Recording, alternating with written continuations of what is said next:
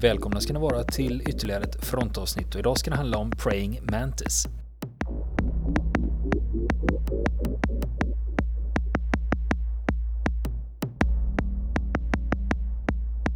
Och eh, sedan så får eh, stridsgruppen order att fortsätta norrut mot en annan plattform, oljeplattform då för att förstöra den.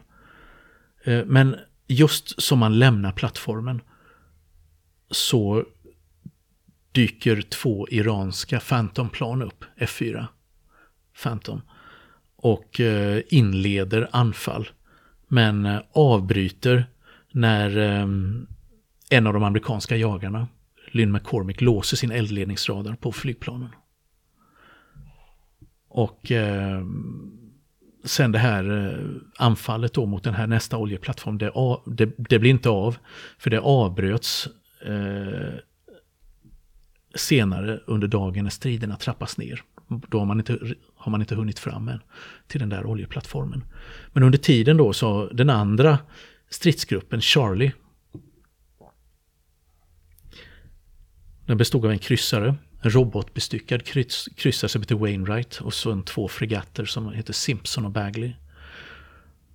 De går till anfall mot det andra huvudmålet och det är 15 kilometer bort i ett annat oljefält. En plattform som heter Siri. Som man ska attackera. Och eh, man inleder beskjutning av den med fartygsartilleri. Man har en grupp Navy Seals i beredskap som eh, enligt planen ska borda anläggningen och förstöra den.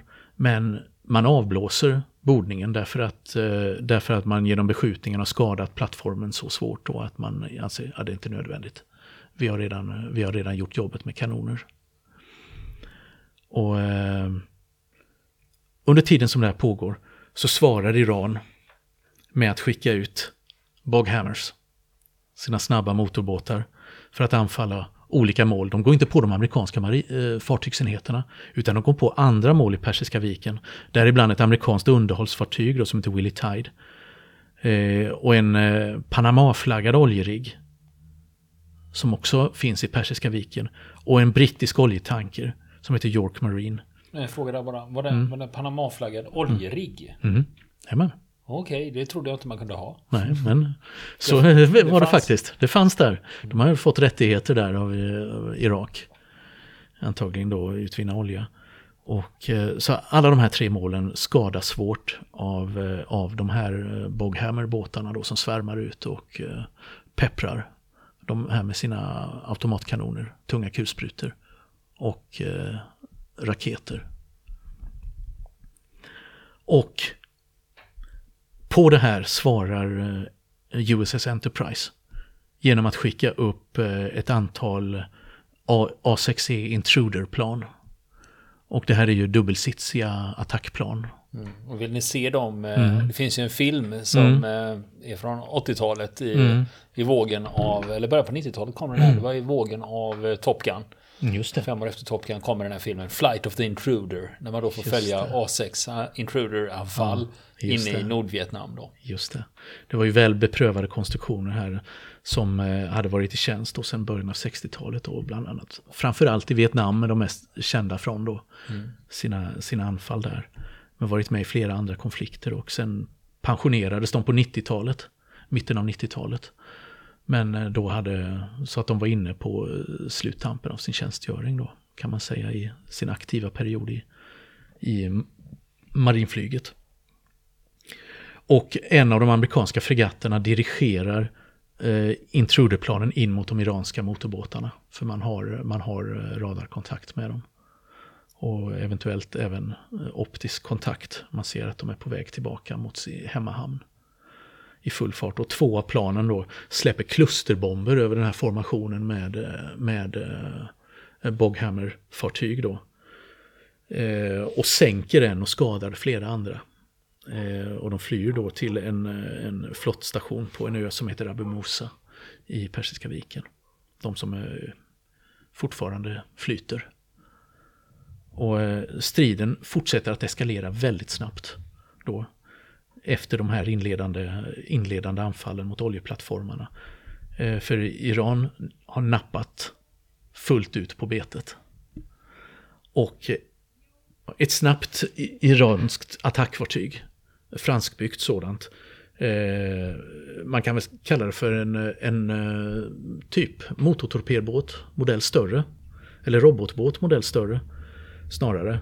Eh, som heter Joashan, Eh, utmanar eh, kryssaren Wainwright och hela, hela stridsgrupp Charlie.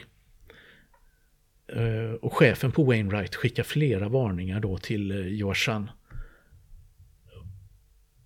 För att den ska varna dem att få avbryt ert anfall, avbryt, byt kurs, byt kurs. Och i sista varningen då så uppmanar man Joashan att stanna motorerna, överge fartyget. Jag tänker sänka er. eh, inte så att iranierna tänker åtlyda den här amerikanska varningen. För att istället så, eh, så eh, svarar Joshan med att avfyra en eh, Harpoon-robot mot dem, alltså en sjömålsrobot. Amerikansk tillverkad för övrigt. Eh, men den luras bort av eh, amerikanska motmedel, alltså remser staniolremsor, chaff och så vidare, som man kallar det då på amerikanska som skickas ut och undanmanövrer. Och eh, en av de eh, amerikanska fregatterna, Simpson, svarar med att avfyra fyra egna sjömålsrobotar. Och Wainwright följer upp med en egen sjömålsrobot, alltså fem sjömålsrobotar. eh, Eh, som svar då mot det iranska fartyget. Och alla fem träffar överbyggnaden på iranska fartyget. Som blir fullständigt liksom sönderslaget men sjunker inte. Och då avfyrar den andra amerikanska fregatten Bagley i stridsgruppen då en, en egen harpun. Men som missar målet. Och under tiden så närmar sig stridsgruppen eh, det brinnande Yuashan tills man är inom skotthåll för skeppsartilleriet. Och sen går man löst på det med sina kanoner för att sänka vraket. Under tiden, för det här händer massor av saker ungefär samtidigt. Under, under den här tiden. Under tiden så kan man amerikanerna på sina radarskärmar se två iranska F4 Phantom som cirklar i standby-läge ungefär 50 kilometer bort. Och då bestämmer sig befälhavaren på Wainwright för att eh, ja, vi måste eliminera dem innan de anfaller. Kör iväg dem. Så man avfyrar eh, två eh, luftvärnsrobotar mot dem från kryssaren. Och en av dem sprängdes eh, så pass nära ett av de iranska Phantomplanen då att det slet bort delar av vingen och pepprade hela flygplanskroppen med splitter. Men eh, bägge planen drar sig tillbaka och även det skadade planet lyckas linka hem och landa trots svåra skador. Och eh, hittills då så hade de större iranska sjöstridskrafterna hållit sig undan. Men nu blandar de sig i leken. Och det här leder då fram till det som är det största amerikanska sjöslaget sedan 1945. För ut från den stora flottbasen vid Bandar Abbas så löper den iranska fregatten Sahand ut och eh, stävar mot den amerikanska flottan. Den upptäcks av eh, intruderplan som patrullerar området. Och eh, Sahand avfyrar eh, luftvärnsrobotar mot de bägge intruderplanen. Som i sin tur svarar med två harpunrobotar. Och eh, fyra andra laserstyrda robotar. Eh, modell som heter Skipper. Och samtidigt också så avfyrar ett av eh, ett fartyg i en annan stridsgrupp som ligger, amerikansk stridsgrupp, stridsgrupp Delta som patrullerar Hormuzsundet, en eh, harpunrobot.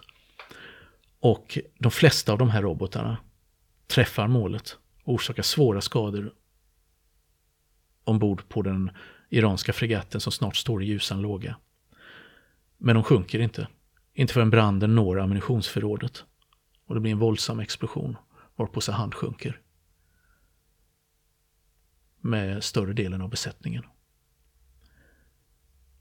Sent på dagen så dyker nästa iranska fregatt upp. Sabalan som är systerfartyg till, eh, till Sahand. och eh, avfyrar flygmålsrobotar mot flera intruderplan som passerar förbi uppe i luften. Och eh, ett av planen släpper eh, en laserstyrd bomb ner, som träffar rakt ner i skorstenen på, eh, på eh, den iranska fregatten och slår ut maskineriet som ligger död i vattnet kan man säga. Ligger och flyter. Ja, helt redlöst så att säga. Och det är, det är en pilot då som heter Bud Langston som berättar, har berättat efteråt då att eh, hans bombfällare och nav slash navigatör observerar det iranska fartyget med infraröd kikare och kom fram till att ja, men det, det här stämmer med siluetten på ett av de fartyg vi letar efter. Och då gör de en snabb dykning ner bak, tre kilometer bakom det iranska fartyget mot vattnet för att lägga sig på låg höjd och komma in akterifrån. Och när de närmar sig bakifrån så öppnar fartygets luftvärn eld och då är alla tvivel borta. Då vet man att det här är ett fientligt fartyg. Då var vi övertygade om att det inte var ett vänligt fartyg, som, som han uttryckte sig då. Eh, de kan se kulspruteeld och de kan se luftvärnsrobotar. Mindre sådana axelburna, eller som avfyras från axeln, avfyras från däck på, på eh, fregatten. Och hon tar in vatten, hon brinner. Fregatten ligger väldigt djupt i vattnet, vilket tyder då på att de fick en stor vattenläcka också. Och eh, det påstås i det här sammanhanget, eh, källorna säger olika, att en sjömålsrobot avfyras från ett av de amerikanska örlogsfartygen för att göra slut på henne. Men hon ligger så pass lågt i vattnet på grund av läckan att, att eh, roboten inte kan låsa, utan missar målet. Och eh, den tas på släp av eh, en iransk boxerbåt eh, till närmaste iranska hamn. Och där lyckas man reparera den och sätta den i tjänst längre fram då igen. Och piloten då som, och navigatören då som, som utförde det här och träffade, träffade fregatten med den här bomben då, de fick Distinguished Flying Cross för det här angreppet. Och eh, Iran har fortfarande inte gett upp utan som vedergällning så avfyrar man landbaserade Silkworm-robotar, alltså också sjömålsrobotar, mot, eh, mot den amerikanska stridsgruppen som patrullerar i Hormuzsundet, Delta. Eh, men eh, undanmanövrar och motmedel och var framgångsrika. En, en robot sköts ner av en av eh, skeppskanonerna Eh, under, under det här angreppet. Sen vad som är intressant med det här Silkworm-robotarna, det var, eh, det var tunga grejer i sammanhanget. Sovjetiskbyggda saker. Jag kommer inte ihåg vad de heter. Eh, vad den eh, originalbeteckningen är på dem. Men Pentagon och Reagan-administrationen förnekade efteråt att Iran hade använt Silkworm-robotar. Och varför gör man det? Jo, Därför att det var förmodligen det enda sättet att hindra att situationen skulle eskalera ytterligare. Därför att Pentagon hade, och, och, och eh, Reagan-administrationen hade tidigare lovat att om Iran angriper med Silkworm så kommer det leda till amerikanska anfall mot iranska markmål. Så det var man ljög för ja, att slippa man ljög för att slippa trappa upp det. Mm. Gjorde man. Och sen efter det här anfallen då, man sänkt en fregatt och eh, svårt skadat en annan så trappar de amerikanska sjöstyrkorna ner och går över till eh, från attack mode kan man säga till defense mode. Eh, och detta gör man då för att ge Iran en utväg och undvika fortsatta strider. och Iran, de, den iranska flottan, de nappar på detta. Och striden upphör. Även om bägge sidor då befinner sig i full stridsberedskap. Och det nästan höll på att bli strid flera gånger under natten och nästa dag. Och eh, det blir inga fler strider den gången utan sen så får några av de amerikanska eh, fartygen, då bland annat Lynn McCormick, order att eskortera en amerikansk oljetanker genom Hormuzsundet. Och eh, ett, eh, amerikan ett skandinaviskt handelsfartyg jag är osäker på vilken nationalitet det hade, håller sig i närheten för att liksom åtnjuta skyddet då av den amerikanska flott, eh, flottenheten där av den amerikanska, av den amerikanska jagaren under, under resan. Och när striden var över, då har amerikanska marinkårsstyrkor, fartyg och flygplan förstört eh, militära installationer på två oljeplattformar i Persiska viken. De har sänkt åtminstone tre motorbåtar och en iransk fregatt och en snabb motortorpedbåt eller attackbåt och svårt skadat en annan iransk fregatt. Och det här är alltså halva den iranska flottan som har fått ordentligt, eller har utplånats kan man säga. Och eh, de amerikanska förlusterna, de iranska de uppgick till flera hundra man. De amerikanska förlusterna, de uppgick till en Sea Cobra helikopter och två, med besättning på två man som hade störtat i havet när den befann sig på spaningstur. Eh, när man hittar vraket konstat, man, konstaterar man inga stridsskador. Så förmodligen så var det en olycka som in, råkade inträffa under, under operationen.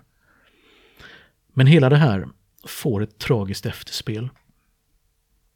För en månad senare så anländer en eh, amerikansk robotkryssare eh, USS Vincennes för att skydda den minsprängda jagaren Samuel B. Roberts när den ska boxeras hem till USA.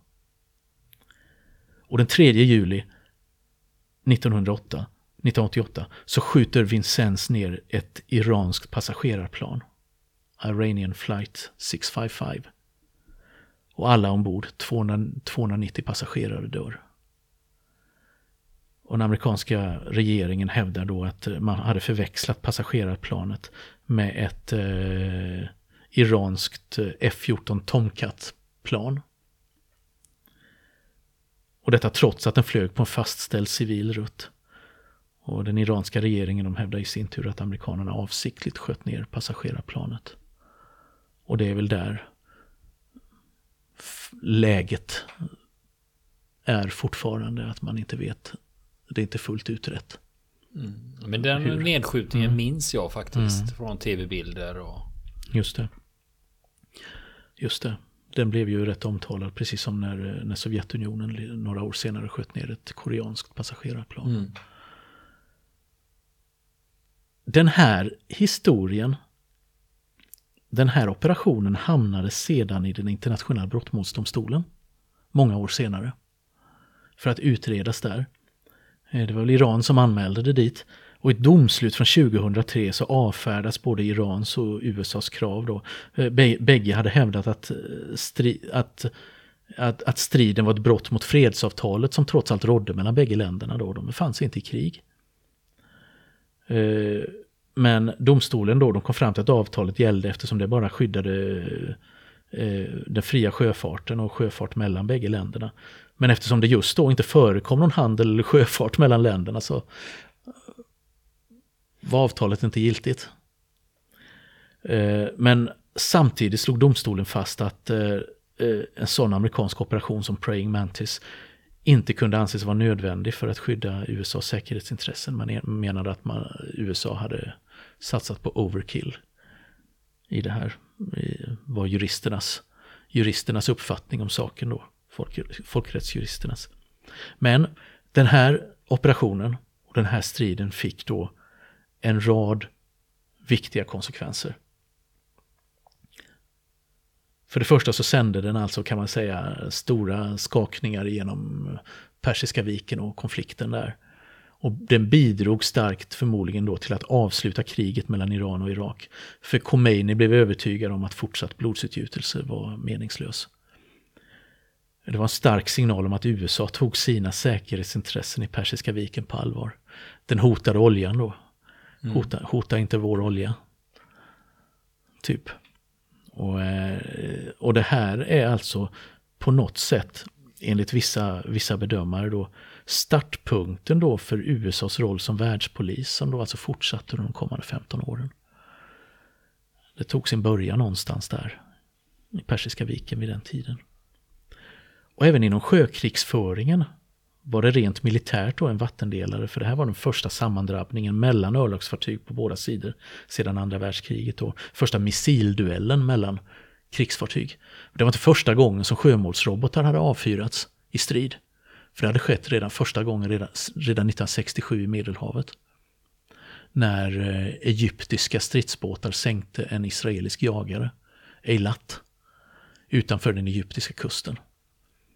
Eh, det var första gången som en sjömålsrobot åstadkom något sådant och sen gav israelerna igen med råge sex år senare Jom Kippur-kriget. När man satte in, satte in sjömålsrobotar mot, eh, mot uh, egyptisk och framförallt syrisk uh, syriska marinstyrkor. Men det här var ett test av ett nytt sätt att föra krig. Alltså sjömålsrobotarna var en teknologisk revolution, de kunde bekämpa uh, fiender på mycket längre stridsavstånd än tidigare med, med ytfartyg.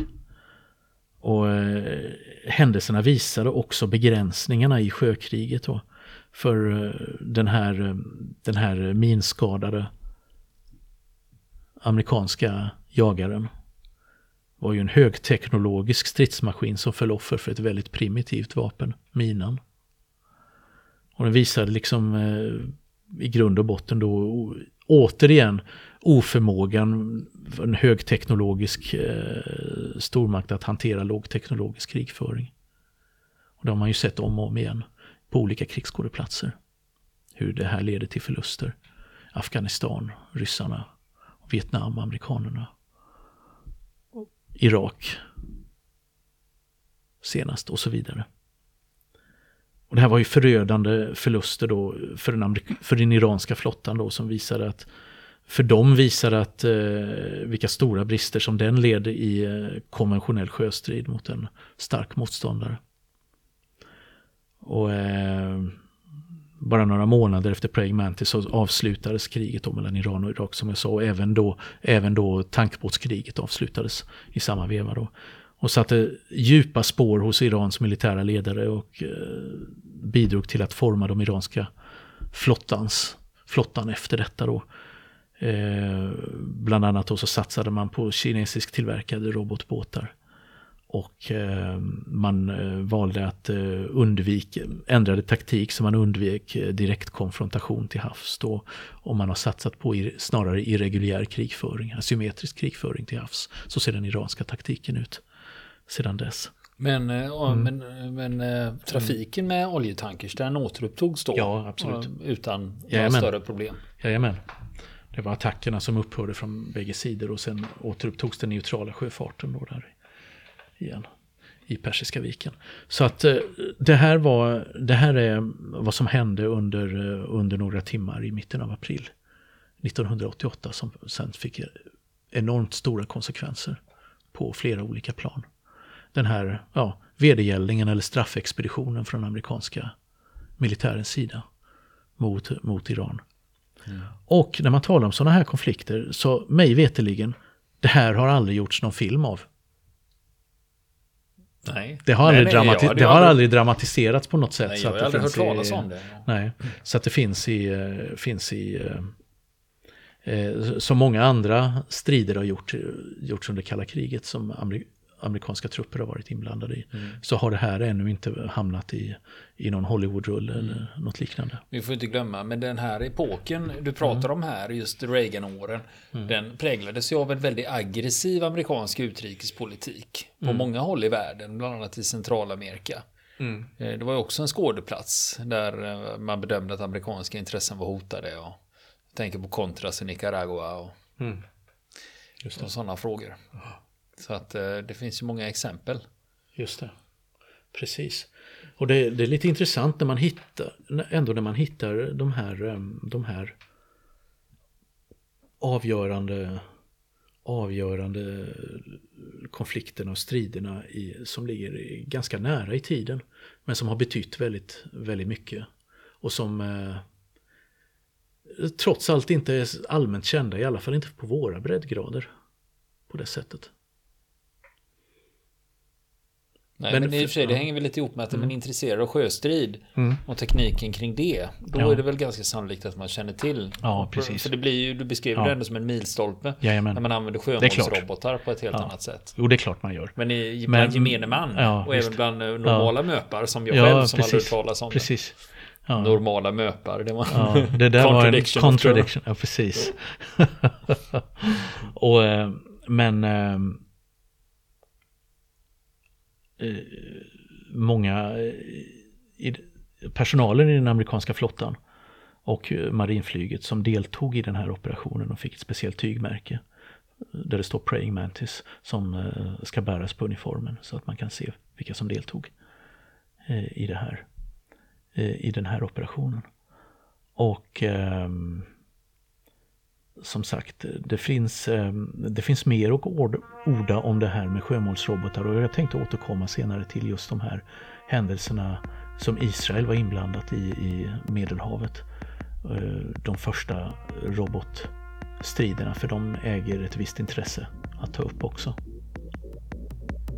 Vill ni komma i kontakt med oss så kan ni göra det via vår Facebook-sida som heter Fronten. Det är inga problem för er att leta er fram där. Eller också så mejlar ni på vår mejladress och det är frontenpodcast.gmail.com.